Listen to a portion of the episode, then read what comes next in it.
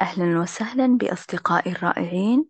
مرحبا بكم في أول حلقة من بودكاست جلسة مع فاطمة الجلسات التي تحمل طابع اجتماعي ونفسي وإداري. بودكاست اليوم بمناسبة يوم الأم العالمي.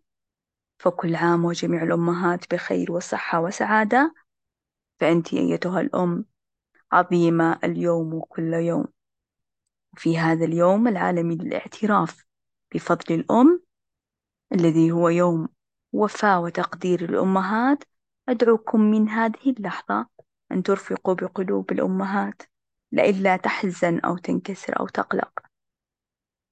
ففي هذا اليوم أحببت أن أجلس معكم وأحدثكم عن حديث إحدى الزميلات لي الذي يظهر فيه رغبة كل أم من أبنائها أن يعبروا لها عن حبهم لها.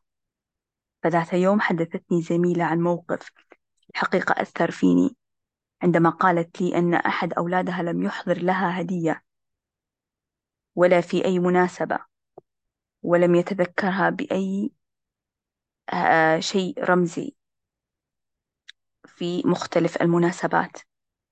مع العلم أن لديه مصدر رزق ثابت تبارك الرحمن وغير مرتبط أيضا. فتسألني إذا تستطيع أن تطلب منه لأنها متحسسة كثيرا من هذا الأمر ولكنها تحتاج إلى الإحساس بمحبته. فأخبرتها أن بعضهم يحتاج إلى أن تطلبي ما تريدينه منهم لأنهم لا يعرفون احتياجاتك وعليك تربيتهم وتعليمهم. إن بر الأم والإحسان لها واجب. لكن لا أعلم في الحقيقة لماذا بعض الأبناء يعطي أمه هذا الشعور السيء لماذا يصل بأمة إلى أن تصل لهذه المرحلة من الشعور المحزن؟ ولماذا لا يملي عليها يومها بشكل رائع وجميل؟ ولماذا لا يسعى إلى إسعادها ولماذا لا يغمرها بالسعادة؟ ممكن أنتوا تكونوا عارفين إن الأم هي اللي وقت كل الناس نايمة كانت جالسة على راسك تحاتيك. وعارفين إيش التعب اللي عانته عشان تكون أنت الآن بهذه الصورة. وبفضل من الله. ولا بقول لكم إيش بإيش ضحت عشان بس تكون مرتاح وسعيد. ولا بقول لك كم مرة نست فيها نفسها عشان تتذكرك بشيء تحبه أو تفرح في قلبك. لكن اللي ما يعرف البعض إن الأم مستحيل تتصور أو تتخيل أو تستوعب إنه بعد هذا العمر راح تجازيها تجازيها بهذا الجفاء أو بهذا الإهمال وتكون أنت ببساطة لاهي منشغل بحياتك. لا تلتفت لها ولا تنظر إليها. لكن اعرف شيء مهم إن الأم هي اللي الجنة تحت أقدامها. الأم هي التي أمرنا بحسن صحبتها. والإحسان لها والتي قدمت على الأب وكرر الأمر بالعناية بها. وأقول لك ترى ما في شيء يستاهل إنك تنشغل فيها في عن هذه الأم العظيمة. لأن الأعمار بيد الله فاستغل كل دقيقة في برها.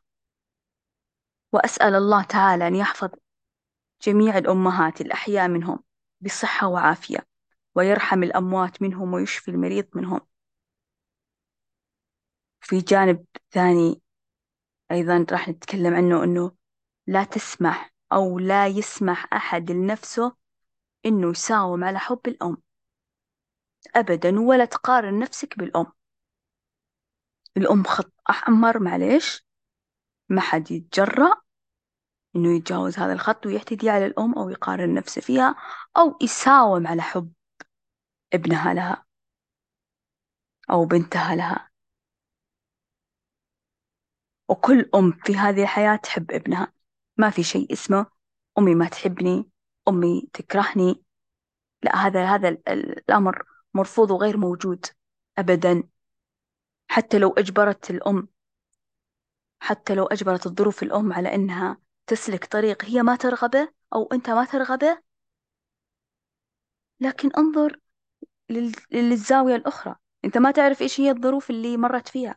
إيش هي الظروف اللي أجبرتها على سلك هذا الطريق؟ إيش هي ال- ال- المرحلة الضعف التي مرت فيها لتص... لتسلك هذا الطريق الذي لا ترغبه أنت؟ وكل أم تشعر إن طفلها هو نور عينها. وإنت ببرك وعطائك وإحسانك لها تشعل هذا النور أكثر وتطمن فؤادها. وواجب عليك واجب عليك برها. وحسن صحبتها والإحسان لها في كل وقت سواء كان في حياتها أو بعد وفاتها بالدعاء والاستغفار لها وإكرام صديقاتها. فلو سمحتم من اليوم نهتم أكثر بأمهاتنا نحسن إليهم ونحسن صحبتهم. مع تمنياتي لكم بدوام الصحة والسعادة لأمهاتكم الأحياء والرحمة والمغفرة لمن فارقنا منهم.